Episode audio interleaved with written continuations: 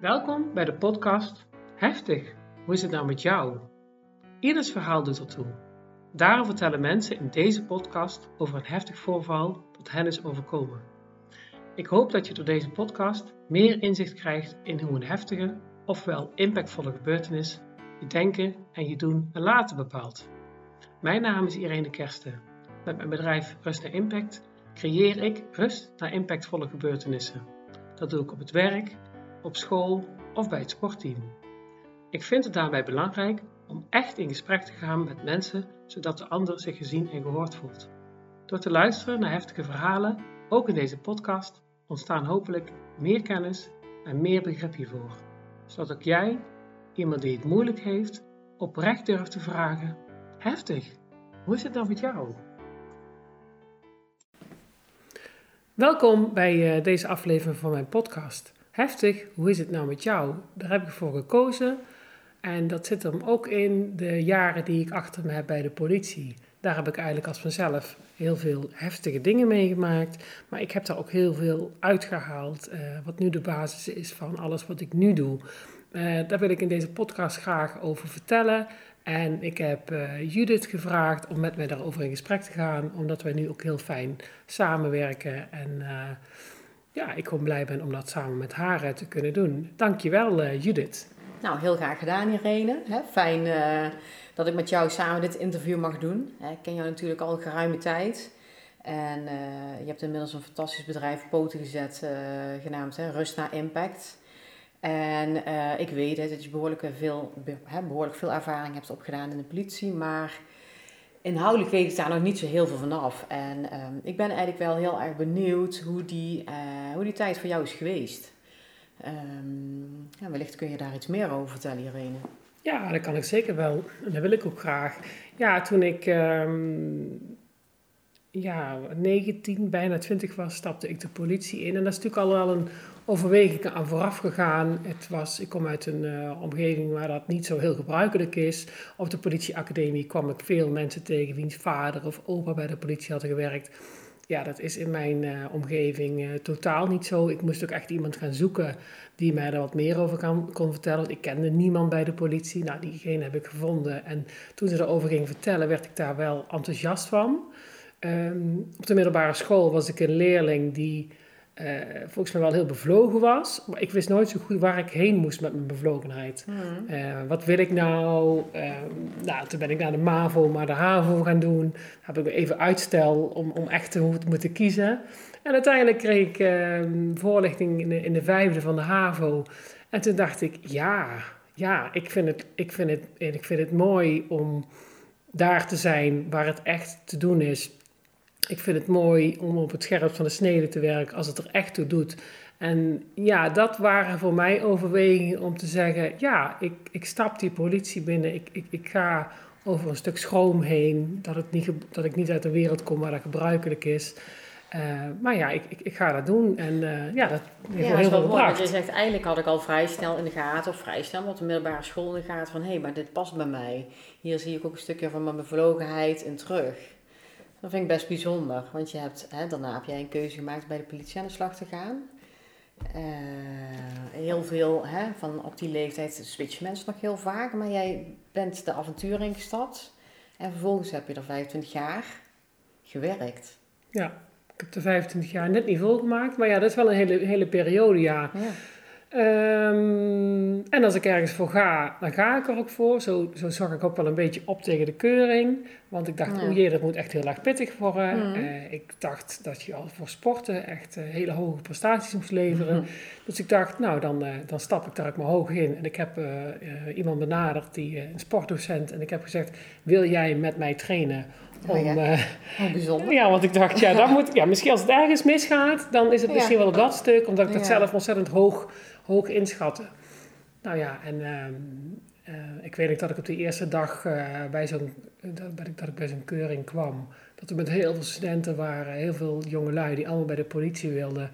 Spannend. En ik vond het daar super druk en het was spannend. En ik weet nog wel dat er één, één meisje naast mij stond. En ja, op een of andere manier kwam elkaar de hele dag tegen. Elke keer kwamen we elkaar wel weer tegen. En de volgende dag kwamen we weer daar en toen was het een stuk minder druk. Maar kwam haar ja, ik kwam haar wel weer tegen. En toen uh, besefte ik later pas, al die andere mensen waren afgevallen. Maar dat drong helemaal niet tot mij door. door. Ah, En uiteindelijk, ik geloof dat we drie dagen hadden. En uiteindelijk sloten we af met een gesprek met de psycholoog. Dan zagen ook de meeste studenten enorm tegen op. Studenten, dat, dat waren nog geen studenten, dat waren de sollicitanten. Oh ja. Zagen daar enorm tegen op. Maar ehm, ja, ik, uh, ik ben er goed doorheen gerold en ik werd aangenomen. En toen ben ik, uh, toen ben ik begonnen. En ja, dat is best wel. Wat, waar, ben je, waar ben je toen gestart? Zeg? Want je zegt ik ben begonnen, maar wat was toen jouw, jouw plek, jouw standplaats of jouw vaste plek? Of was dat bureau of... Uh... Ja, dat is ook nog wel heel bijzonder gegaan. Want ik heb in allereerste instantie heb ik voor um, Zuid-Limburg gesolliciteerd. Ik had ook al wat geprobeerd bij de politie Amsterdam-Amsterdam. Maar die zeiden tegen mij, ja, Brabanders die gaan allemaal terug naar Brabant. Dus oh, uh, daar beginnen we niet aan. Okay.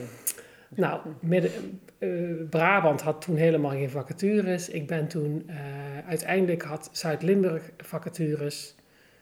Um, ja, Brabant Zuid-Oost had wel vacatures, maar dat was voor politieserviant. Dat wilde ik niet. Ik mhm. wilde gewoon naar de politieacademie. De politieschool heette dat toen nog. Die had je vijf in Nederland. Lochem, Leusden, Amsterdam, Harlingen en Heerlen. Mhm. En ik ben uiteindelijk naar Heerlen gegaan, gesolliciteerd voor Limburg-Zuid. Uh, moest ik voor naar Sittard. En uh, nou, dat was allemaal akkoord. Alleen, uh, het was midden in de, vorige reorganisatie van de politie, 93, 94. En het zou een hele tijd duren voordat ik een plek had op die politieacademie. En toen ben ik, um, in de, in, over de bruggende periode, ben ik voor onbepaalde tijd naar Ierland gegaan. Oké. Ja, dat is even iets heel anders. Dat, dat, precies, een ander avontuur op je pad. Ja, ik wist dat ik een periode moest overbruggen. Ik had mijn HAVO-diploma gehaald. Mm. Um, en in Ierland daar ging ik het avontuur aan en uh, ik heb daar ben ik een paar maanden au pair geweest. Uh, dat vond ik wel aardig om te doen, maar ik, ik zat ook ontzettend afgelegen. Ik was daar notabene okay. au pair bij een politieman. Want hoe oud was je toen? Ik was, uh, toen ik au pair werd, was ik net 19. 19, ja. ja. ja. Oh, dat, is wel, dat is wel heel toevallig bijna dat je dan terechtkomt in een gezin waarvan de, van, van de, de vader dan politieagent is. Ja, niet helemaal, want um, um, het au pair wist dat ik aan het solliciteren was bij de politie. Hmm. Dus toen hadden zij een aanvraag voor, okay. voor een, het gezin van een politieman. En toen ben ik daar ben ik bij hem in huis gekomen. En, maar na drie maanden had ik het wel gezien. Het was hmm. echt, echt ontzettend afgelegen. Um, ik, ik, snapte de U2-song uh, Where the Streets Have No Name wel, want oh, in zo'n dorpje zat ik. Ja. De huizen hadden namen, de straten hadden geen namen.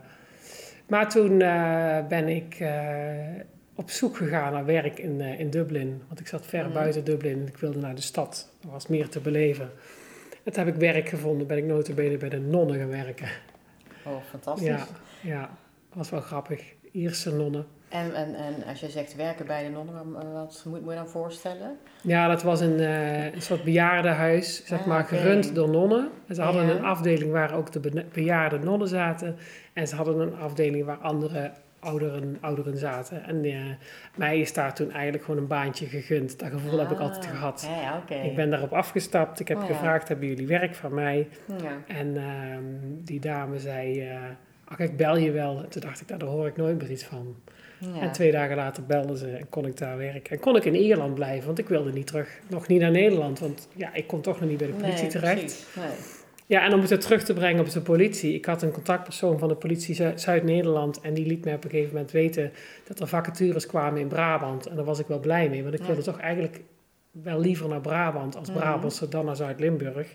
Toen heb ik vanuit Ierland een uh, brief geschreven naar uh, Midden- en West-Brabant. En toen, ben ik, toen hebben ze mijn dossier in Limburg opgevraagd. En zonder dat ze me ooit gezien hadden, werd ik aangenomen. Oh, echt waar? Ja. En, uh, Verrassend. Ja, dat was wel achteraf wel apart. En toen zat ik al een maand op de politieschool in Heerlen. En toen kwam het contactpersoon van het korps kwam en die eh, wilde wel kennis maken met mij, want die had mij nog nooit gezien. Niemand van het korps had me ooit gezien. Zo. Maar ik was er wel ingestuurd en ik was wel leerling. En uh, ja, toen ben ik, uh, daar ben ik daar doorheen gerold en ben ik uiteindelijk uh, in januari 96 bij de politie Etteleur begonnen. Oké. En ja, fijne, fijne tijd gehad, maar ook, ook heftig. Eh, veel incidenten in hele korte tijd, terwijl ik Mhm. echt pas net kwam kijken. Ik had gelukkig een hele zegt- fijne mentor. Oh, dat is wel prettig natuurlijk. En als jij zegt heftig, dan heb je natuurlijk ook wel mensen eh, nodig waar je op kunt leunen of waar je kunt terugvallen, denk ik, of niet?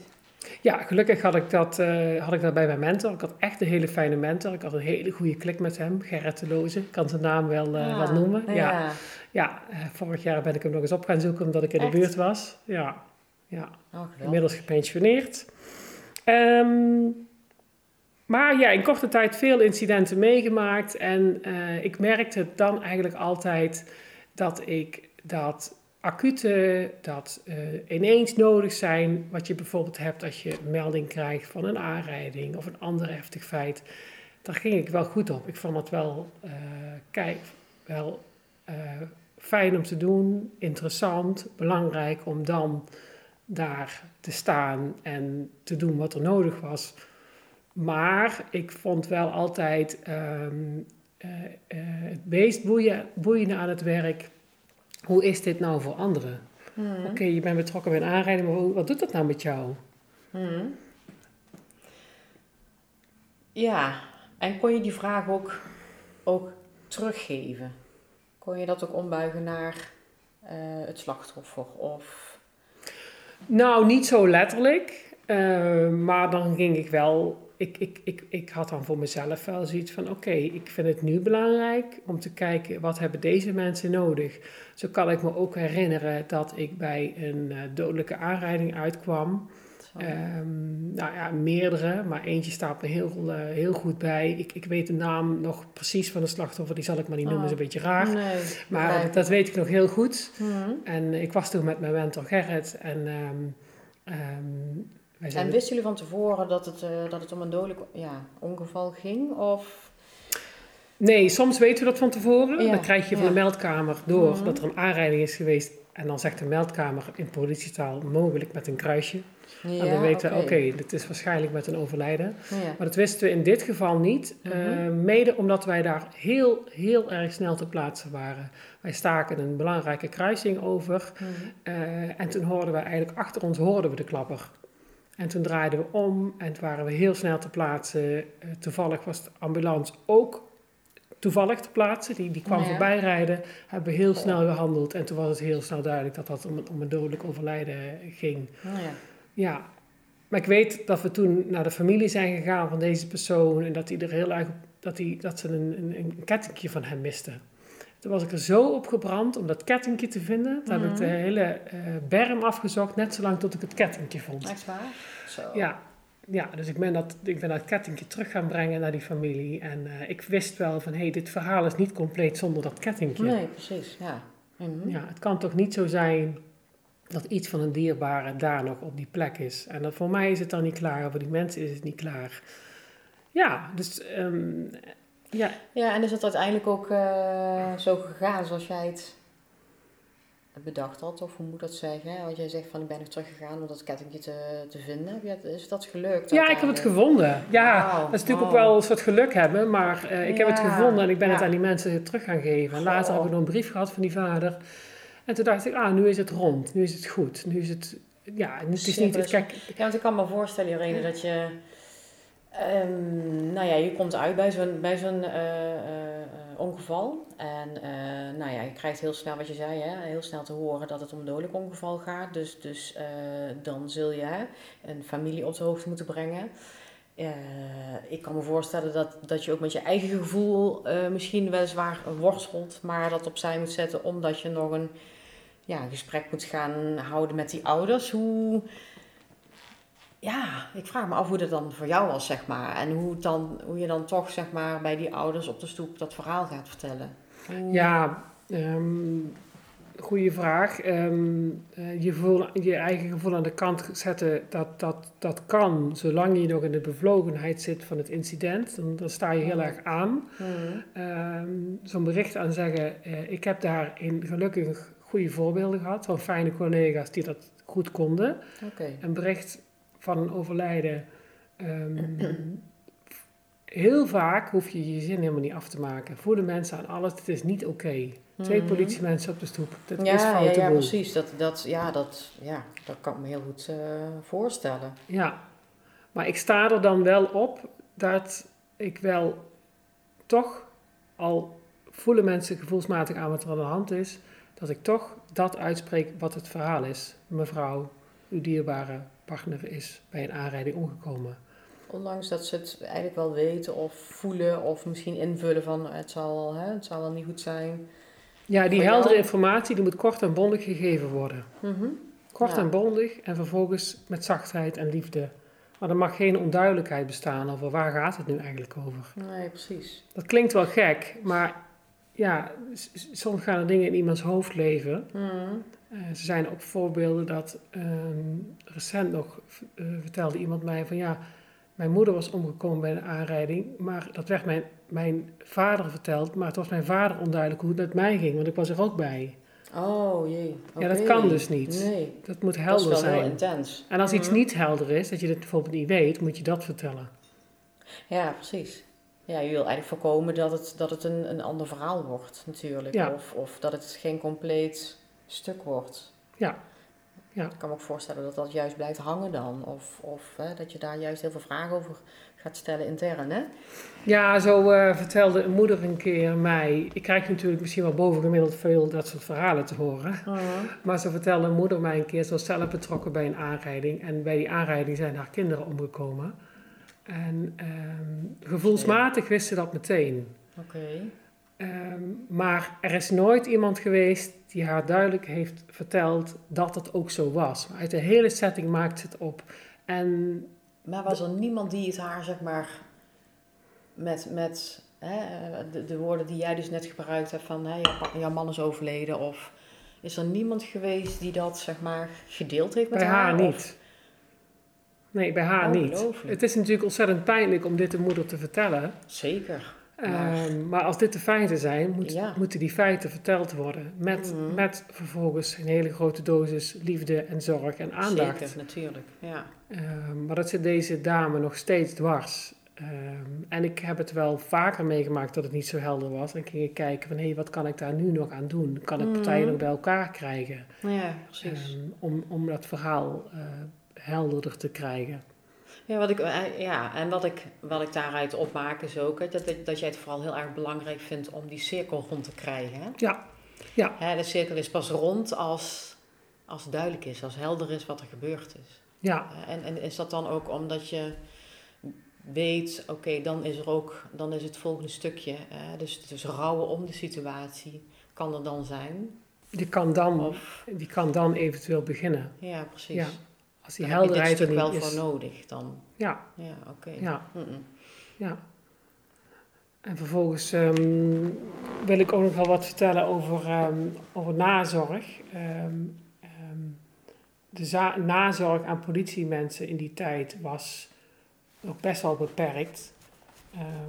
Ja, want dan heb je het over hoeveel, hoeveel jaar geleden? ja, dan heb je het over een kleine 30 jaar geleden. Ja, ja, oké. Ja. Ja. Ja. Ja, dat is lange tijd. ja. Gelukkig is daarin heel veel verbeterd. De politie heeft nu teams collegiale ondersteuning, de. TCO's. Mhm. Zoals de brandweer die ook heeft en de ambulancezorg die ook heeft. En die waren er in die tijd wel. Ja. Maar ehm, het was nog niet zo gebruikelijk om te vertellen wat iets met je deed. Zo kan ik me nog heel goed herinneren, dat was ik op mijn eerste werkplek. Dat ehm, ik terugkwam van een ander heel heftig incident. En ik was echt een beetje...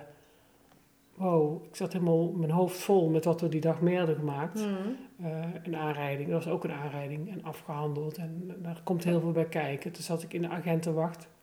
Dat is de plek in het politiebureau waar je even je krantje kunt lezen, eh, je koffietje kunt pakken. En ik zat daar een beetje beduust achter mijn koffietje. Oh, en ja. ehm, een collega zegt zo een beetje gekscherend tegen mij van... eh, nou, je vond het nog wel heftig, hè? Ik zei, ja, ik vond het nog wel heftig. En weet je waarom? Was je verbaasd om die vraag trouwens? Ik zeg daarna even tussendoor. maar- Ehm verbaasd weet ik eigenlijk niet. Dat weet ik eigenlijk niet. Maar ik weet wel dat ik het voor elkaar kreeg om ad rem te antwoorden. ja, ja, oké. Eh, Je ja. vond het nog wel heftig, hè? Ik zei, ja, weet je waarom? Omdat het nog wel heftig was. Punt. Ja, precies. Dan mag het Ja. toch gewoon zijn. Maar ik merkte dat dat niet zo gebruikelijk was. Dat het er gewoon mocht zijn. En wat me toen opviel, en dat staat me wel heel goed bij, is dat toen de ene na de andere collega zijn eigen verhalen begon te vertellen. Toen en toen hebben we die aanrijding meegemaakt. Toen en toen hebben we dat incident meegemaakt. Toen dacht ik, hé, hey, hier hebben we iets laten liggen. Het zit dat is wel hoog. bijzonder, want hè, dus iemand begint met uitspreken van en vervolgens komen er meer verhalen en krijgt hè, elk verhaal een, een, een eigen weg, zeg maar. Hè, of dan mag het er wel zijn. Ja, Dus blijkbaar is er dan toch wel veel behoefte aan om, om te delen met elkaar. ja, dat merkte ik toen dus. Dat Ja. die behoefte er wel was. Ja, wat ik me heel goed kan voorstellen, hè? Dat Ja, dat, ik ook. Dat je dat, ja, Ik ook. als Alleen als ik, nu, als ik nu terugkijk, denk ik, het is niet handig dat die verhalen met mij gedeeld werden toen ik net zelf terugkwam van een heftig incident. Nee, nee, nee, want dan zit je, zo, zit je waarschijnlijk zelf heel erg vol met, met pff, alles wat je hè, aan het verwerken bent. Ja, dat, doet, het- dat, dat deed mijn brein niet per se nou goed. Nee, ten goede, nee. Nee, Nee. eh, dan ben ik iemand die zich uitspreekt en het ook benoemt. En het ook, eh, hè, bijvoorbeeld mijn partner krijgt ook heel veel die verhalen toch mee, omdat ik het gewoon kwijt moet. Ja, Dat, ja. dat advies geef ik nu ook heel vaak als je beroepsmatig iets meemaakt. Mhm. Ja, je hebt je, eh, je, hebt je, eh, je geheimhouding vanuit je vak, maar je kunt anoniem ook veel vertellen. En Oh, jij ja, moet wel vooruit met jouw verhaal. Zeker, Ja. ja. Dus ja, dat, dat, dat, zijn, van die, dat, dat zijn van die dingen. in- vooral in mijn eerste politiejaren veel incidenten meegemaakt. Maar ik merkte ook dat ik daar eh, heel erg op aanging. Dus, dus Mhm. om de vraag te stellen, heftig, hoe is het nou met jou? Ja. Eh, ik vond het veel fijner om iets voor de mens te betekenen dan het sporenbeeld van een aanrijding naar te gaan uitpluizen. Daar had ik nooit zoveel interesse voor. Nee, het was niet zo mijn ding. En net als boeven vangen, daarvan zei ik ook altijd, nou, ja, dat, dat kan ik wel, dat doe mooi, ik wel. Ja, ja, maar ik, ik ben, die politievrouw ben ik niet. Nee.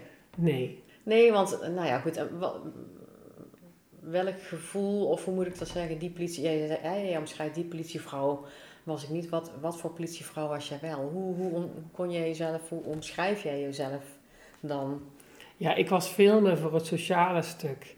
Eh, dat, dat, eh, dat werd me ook wel eens gezegd als er op het politiebureau ehm,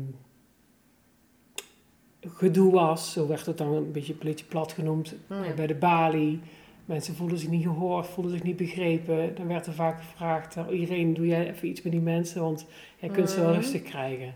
Oké. En, jij kunt wel, en dan probeerde ik altijd te kijken, oké, wat speelt hier nou echt? Mensen voelen zich niet gehoord, voelen zich niet begrepen. Oké, wat hebben ze nu nodig? En Ja, dat vond ik altijd bijzonder. mooi. Ja, wat is bijzonder dat je zegt, collega's hadden op een gegeven moment wel in de gaten van, hé, hey, Irene heeft eh, een hele mooie tool waarmee ze ook mensen kan helpen. Naast een stukje, ja, hoe moet ik dat zeggen? Ehm, het, het, ja, het politiewerk is, is oh, waar je straks omschreef, het sociale stukje. Mhm. Daar is ook heel veel behoefte aan. Alleen, ja, hè, collega's aanvaarden wel, Irene staat er aangewezen persoon voor. Ja, ik weet niet, dat, dat kreeg ik in elk geval wel eens, eh, wel eens terug. Hè, daar waar ik zelf steeds dacht, hey, ik ben eigenlijk helemaal niet zo'n goede politievrouw. Ik, ik, eh, ik weet niet, ik ben niet, ik, ik ben niet die type politievrouw die, we, die ik misschien... Dat was een onzekerheid die ik denk ik al die jaren toch wel met me mee heb genomen. En daarom ben ik nu wel blij dat ik nu sta waar ik sta. Want van het Mhm. sociale stuk, daar heb ik nu echt mijn, mijn werk van gemaakt. Dat is de basis van mijn bedrijf. Ja, want heeft het eigenlijk lang geduurd, hè? Want jij op een gegeven moment eh, kon jij voor jezelf de conclusie trekken: oké, dit, dit is, ik, ik vind het heel erg leuk, maar nou, ik, ik heb behoefte aan meer. En vooral dat analytische stuk, hè? willen weten wat er, wat er achter die persoon schuilt, zeg maar. Hè? Dus heeft het toen nog lang geduurd voordat jij de stap maakte om, om eh, je eigen bedrijf op te starten? Of heb je in die tussentijd nog iets eh, ondernomen? Of... Ja, daar kan ik wel iets over vertellen. In Mijn eigen bedrijf ben ik uiteindelijk pas in 2014 begonnen. Oh Dus er is heel wat jaren overheen gegaan. Ehm, ik ben eh, van het straatwerk ben ik bij de recherche gaan werken.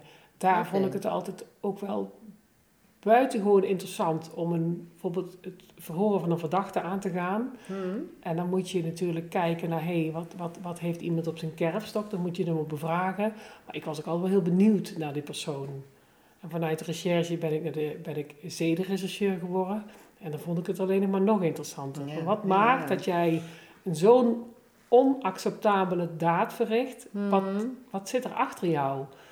En als politie heb je daar natuurlijk beperkte grip op. Ja. Ja, Mhm. Ja. maar ik vond dat wel mooi. Ik vond het wel heel mooi werk. Want ik denk toch altijd, wat je ook doet, en wat je ook voor fout doet. Ik ben dan toch echt benieuwd naar wie ben jij als mens. Ja, en dus, eh, wat jij zegt, hè, wat maakt het dat jij, deze, dat jij dit begaat? Of hè, wat, wat zit eronder? En, Ja. en eh, eh, ik merk dat jij daar heel erg je bevlogenheid in hebt. Wat Ja. zit eronder? En, en eh, ja, eh, dat wil ik graag weten. Ja, ja. En daar ga je ook wel naar op zoek dan, begrijp ik. Ja, ja, en, maar ja, maar binnen je rol als politie heb je daar natuurlijk grenzen aan. En eh, ja, ik ging Mhm. daar soms misschien wel een beetje nou ja, ver in, wil ik niet zeggen. Ehm, zo heb ik later ook veel jongeren verhoord die bijvoorbeeld in een instelling zaten, die, die heel, een hele nare achtergrond hadden van, van mishandeling en misbruik. En toen dacht ik Ja. altijd, ach jongen, je bent over de schreef gegaan. Eh, dat verhaal is me eigenlijk wel duidelijk. Ik moet jou horen. Ik moet Ja. jou eh, formeel horen en vertellen. Je bent niet tot antwoorden verplicht, maar vertel maar eens. Ja. En dan was ik gewoon vaak ook benieuwd naar hun levensverhaal. Want dan dacht je, ja, dat jij een diefstal hebt gepleegd. Ja, dat, dat verhaal heb ik eigenlijk al wel helder op papier. Dat dossier kan ik wel maken. En dat moet ik maken. Ik ben benieuwd naar jou. Ja. Wat doet het nou, wat doet het nou met jou? Eh, dat doe ik niet voor niks. Dat mijn podcast heftig, hoe is het nou met jou heet. Mhm. Dat, dat had ik bij zo'n jongen ook. Dan denk ik, jouw levensverhaal is heftig. Maar hoe is het nou met jou? En dat, ging je dat gesprek eh, wel aan dan? Ja, daar waar mogelijk. Ondanks hè, dat je natuurlijk andere opdracht had. In die context van een verhoor eh, kon dat wel. Tot bepaalde hoogte. Mhm. Ja, ja. Ja. En deelden mensen dat makkelijk met jou? Nou, ik, Merkte jij van, oké, oh ja, maar ik merk wel dat ik goede vragen stel? Of Ja, ik merk dat mensen dat worden? Ja, oké. En niet altijd. Soms ben je echt de boeman. Hè? Want je moet wel bedenken, je hebt dat uniform Ja, je hebt aan uniform aan, dat is natuurlijk toch anders. Ja, dan, maar eh, ja. best wel vaak wel. Want het, het goede gesprek eh, aangaan, dat is zeker die jeugd die in een instelling zit, is dat helemaal niet zo gewend. Mhm. Nee. Dus ja, je vroeg hoe lang heeft dat geduurd? Hè? Eh, rechercheur, eh, zedenpolitie. Uiteindelijk ehm, eh, heb ik me aangemeld voor het team collegiale ondersteuning van de politie. ja. Dat heette toen in de regio waar ik werkte, Brabant Zuidoost, heette dat het traumateam. Toen dacht ik, oh, ik wil er heel graag werken. Maar ik Mhm. dacht, nou, volgens mij is die naam niet helemaal passend. Dus tijdens mijn sollicitatie zei ik al tegen de teamleider, ik wil het heel graag doen, maar volgens mij moeten we wel iets aan de naam doen. Ja, wat, wat, wat, wat vond jij van die naam dan? Ja, ik dacht, eh, als je, dat vond ik zo, zo beladen om het dan al over een trauma te hebben. Mhm. Eh, en ik denk, als je geen klanten wil, dan moet je je team zo noemen. Ja, ja. Ja, Want mensen gaan niet vrijwillig zeggen, ik heb een trauma. nee, dat zit Hmm. heel veel, eh, het is heel beladen om dat te zeggen. En toen, zijn we, toen werd ik aangenomen en toen zijn we met elkaar gaan brainstormen. En toen hebben we onze naam veranderd. Ehm, eh, we kwamen samen op het idee eh, van, zullen we het, hoe zullen we het dan noemen? Ja, wat Ja. doen we? Wat we doen is collegiale ondersteuning. Mhm. Dus toen gaf ik aan van ja, TCO, Team Collegiale Ondersteuning, dat is eigenlijk, eh, ja, dat, dat dekt eigenlijk heel goed de lading. En toen waren we als, eh, eh, als land eh, met de regio eh, Zuidoost-Brabant eh, best wel een vreemde eend erbij dat ons team TCO heette. Want op veel plekken heette het BOT of BOG, bedrijfsopvangteam, Ah ja, bedrijfsopvanggroep. Oké. Maar wat schetste mijn verbazing, met de start van de nationale politie werd de nieuwe nationale naam TCO. Oh, serieus? En inmiddels heet hij bij de Oh. brandweer ook zo. Dus ik denk, ach, oh, dat ik is wel toch heel eh, mooi. een steentje aan bij kunnen Ik dragen. wel zeggen, Ja, ja. daar ben ik er Ja. ook wel trots op. Ja, dat snap ik wel. ja. Dus ik deed dat werk eh, gewoon wel heel erg graag. Ehm, ja, dus heb ik nog een uitstap gemaakt om voor Bureau Brabant te gaan werken. Het opsporingsprogramma van de, van de Brabantse eh, omroep, tv-omroep. Eh, ook heel mooi werk, maar daarin miste ik ook echt het contact met mensen. Ja. Las ik mooie, nou ja, mooie zaken, dat klinkt altijd een beetje gek bij de politie, maar las ik van alles vanaf papier en ik was dan benieuwd naar de mens. En, en toen ben ik ehm, weer teruggegaan in het uniform en ben ik wijkagent geworden. En heb ik me vooral ingezet voor jeugd. En eh, die, dat TCO liep wel als een rode draad met mij mee, want het Oh is ja. een neventaak. Mhm. Eh, wat ik een hele mooie, bijzondere neventaak vind. Maar vanuit die neventaak is mij door collega's ook wel een paar keer gezegd van... Goh, met dit werk moet je eigenlijk meer doen. En daar ben ik bij de politie gaan uitspreken van... Ik wil eigenlijk hier fulltime werk van maken. Ja, helaas kon dat niet. En toen heb ik er een keer uitgeflapt van... Ik heb niet gezegd dat ik bij de politie moet. En toen dacht ik, wat zei ik nou toch? Ja, ja. Ik heb nooit het plan gehad om de politie te verlaten. Ehm, maar goed, uiteindelijk is het er wel van gekomen. En eh, op mijn, zo'n beetje rond mijn 40ste verjaardag heb ik, eh, heb, ik het, heb ik het roer omgegooid. Ben ik eindelijk psychologie gaan studeren, wat ik al heel lang wilde.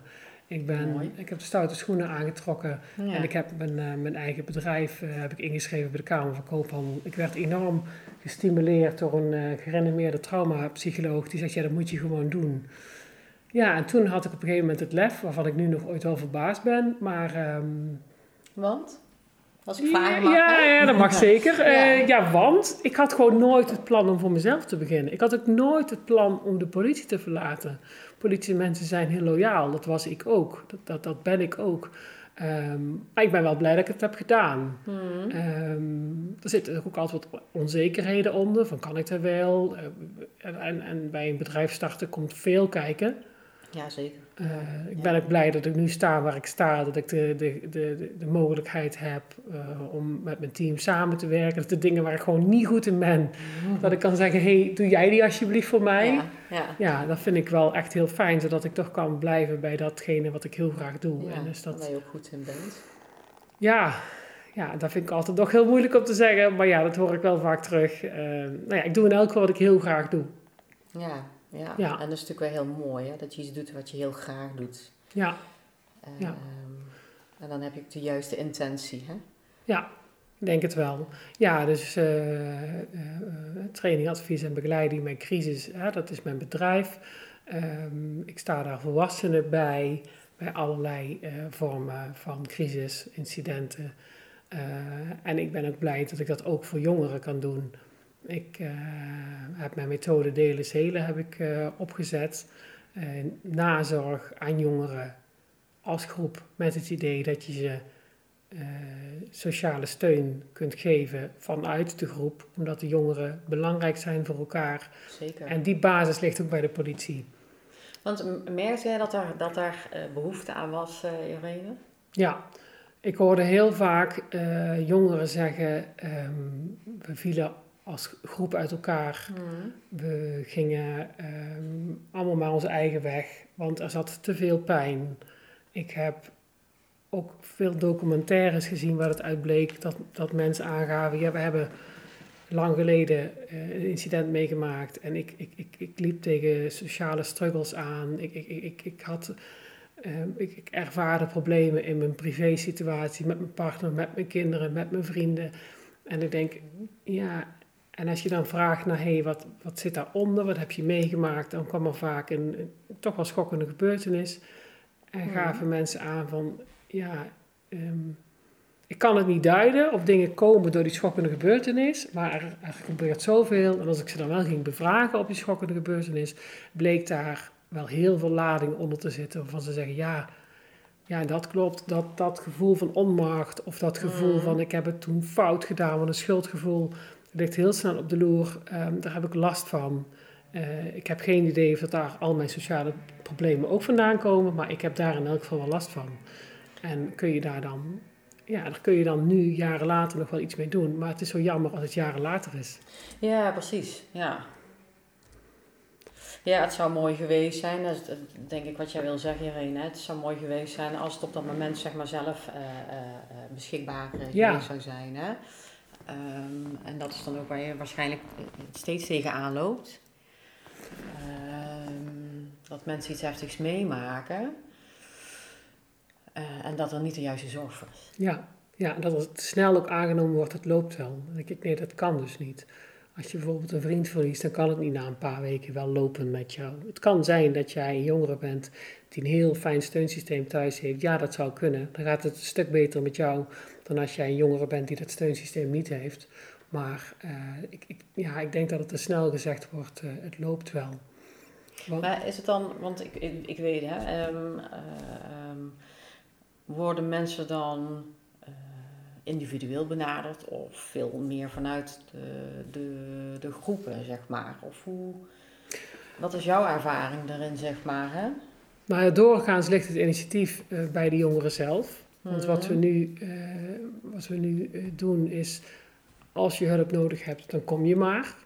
Ja, en studenten van de Universiteit Utrecht hebben eenzaamheid onderzocht en daar hebben ze mijn methode delen is in meegenomen. En daar komt bijvoorbeeld uit naar voren dat 87% van de jongeren niet erkent dat ze eigenlijk uh, in de rouw zijn, of dat ze daar vragen over hebben.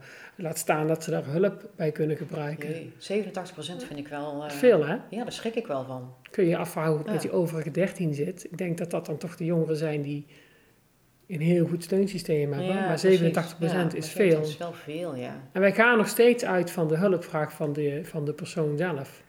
Dus een beetje gechargeerd zeg je dan van... hé, hey, als je iets nodig hebt, formuleer maar een hulpvraag. Mhm. Als je die hulpvraag hebt, kijk maar op welke plek jij zijn moet. En dan mag je achteraan gaan staan in de rij van de hulp.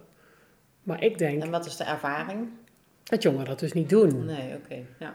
Mhm. Ik spreek vaak over eilandjes van verdriet jongeren komen op een eilandje van verdriet, uh, weten niet goed wat ze met hun gevoel moeten, zitten op een zolderkamer en uh, ja, proberen dat in hun eentje op te lossen. Maar dat gaat vaak naar de binnenwereld. Daar gaat dat ook behoorlijk vastzitten. En dan moet je de jaren later best wel hard bikken om, uh, om dat weer los te krijgen. En dat zou ik zo graag anders zien. Zo wil ik al een voorbeeld vertellen dat ik nog wijkagent was met, mijn, met, met het thema jeugd. En ik wist dat er een jongen van een voetbalclub plotseling was overleden. En ik wist dat, die, dat zijn team op een bepaalde avond trainde. En ik dacht, laat ik eens als wijkagent dat, dat terrein oplopen. Dus ik deed dat en ik zag jongeren. de, de, een, de ene jongen zag ik de pollen uit het gras trappen. En de mm. andere zag ik tegen een doelpaal trappen. Weer een andere keek doelloos voor zich uit terwijl hij op een muurtje zat. Toen dacht ik, oh. hmm, er wordt hier en niet gevoetbald en er is geen verbinding. En toen heb ik eh, tegen het team gezegd: Kom, we gaan naar binnen. Dat voetballen wordt niks. Ja. En toen zijn we bij elkaar uh, gaan zitten, benoemd hoe verschrikkelijk heftig het was. En uh, vanuit de ervaring die ik had met volwassenen als groep nazorg bieden, heb ik eigenlijk hetzelfde met jongeren gedaan.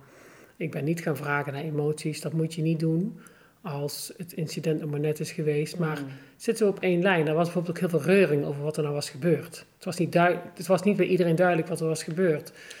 Oké, dat, dat lijkt me ook wel, uh, wel lastig. Want dan, dan krijgt het verhaal zoveel andere stukjes, zeg maar. Hè? En ik, dat, vind ik al, dat lijkt me een beetje gevaarlijk bijna. Hè?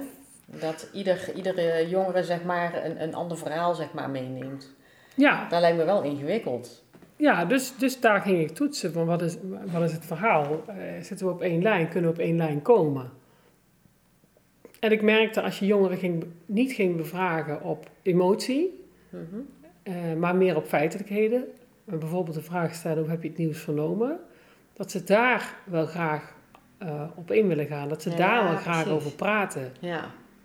En dat is nu na nou, de, de vele begeleidingen die ik heb gedaan van groepen jongeren merk ik dat ook. Jongeren willen vaak wel, maar weten vaak niet hoe. En onder boosheid van laat mij maar zit vaak ook ik zou niet weten hoe. Ja, precies. Ja, ik vind, wat ik wel heel bijzonder vind aan jouw verhaal is dat jij het verschil maakt door jongeren echt uit te nodigen en mee te nemen. In plaats van uh, het, het bij de jongeren zelf te laten. Want uh, jij omschrijft, de jongen kan dat zelf niet of wil dat niet. Of hè, distancieert zich daarvan. Terwijl op het moment dat jij ze uitnodigt en ze in, in, in verbinding laat staan met de groepsgenoten, ehm, dan, dan, dan is het er wel, of dan mag het er zijn. Dan komt het verhaal op tafel en dan, ja, dan heb je een heel ander proces, denk ik. Ja, ik denk ja, ik ben daar ook een voorstander van. Ik noem dat dan proactief uitreiken. Oh ja. Uh, reik jongeren de hand. Geef ze de mogelijkheid om, uh, om bij elkaar te komen. Breng die sociale steun op gang. Geef daar informatie over. Van dit zijn normale reacties op de abnormale gebeurtenis. Een oh vriend verliezen als je jong bent is een abnormale gebeurtenis. Dat mag je, dat mag je erkennen. Um, uh, onze rouwcultuur is ook niet zo fantastisch in Nederland. Hmm. Wij, wij prijzen mensen... dat is? Ja, wij prijzen mensen vaak als je doorgaat. Eh, knap, Ja, je ja, knap gedaan. Eh, je bent doorgegaan. Ehm, en terwijl... Wij kunnen denk ik volgens mij ook niet zo goed tegen als het te lang duurt. nee, dat, Als wij vinden dat het te lang duurt, dan, dan hebben we daar heel snel een oordeel Ja. over. we vinden vaak iets van iemand in de rouw. Mhm. Eh, dat, dat, vind ik, ja, dat vind ik echt wel heel, heel erg jammer.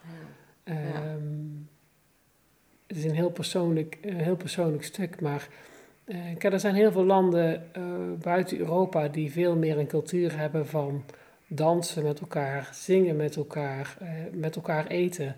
En wij hebben een cultuur van we lossen het zelf wel op. En dat voelt voor mij ook als, als eenzaam. En dat vind ik jammer. En dat zou ik heel graag anders zien.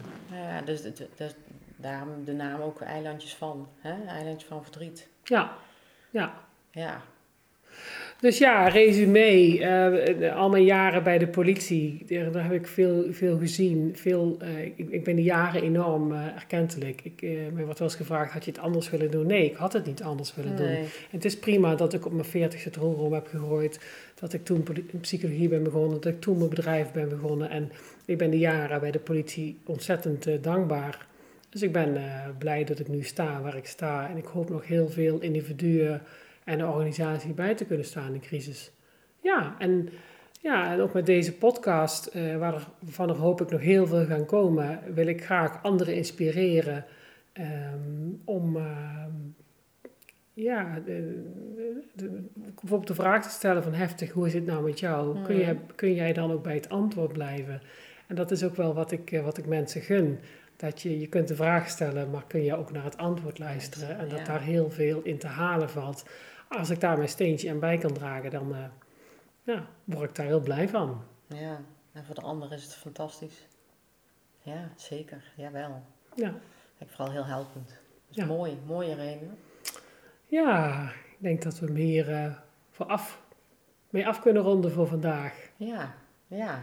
Nou, ik ben jou eh, super eh, dankbaar eh, ja, voor deze uitgebreide podcast, eh, Irene.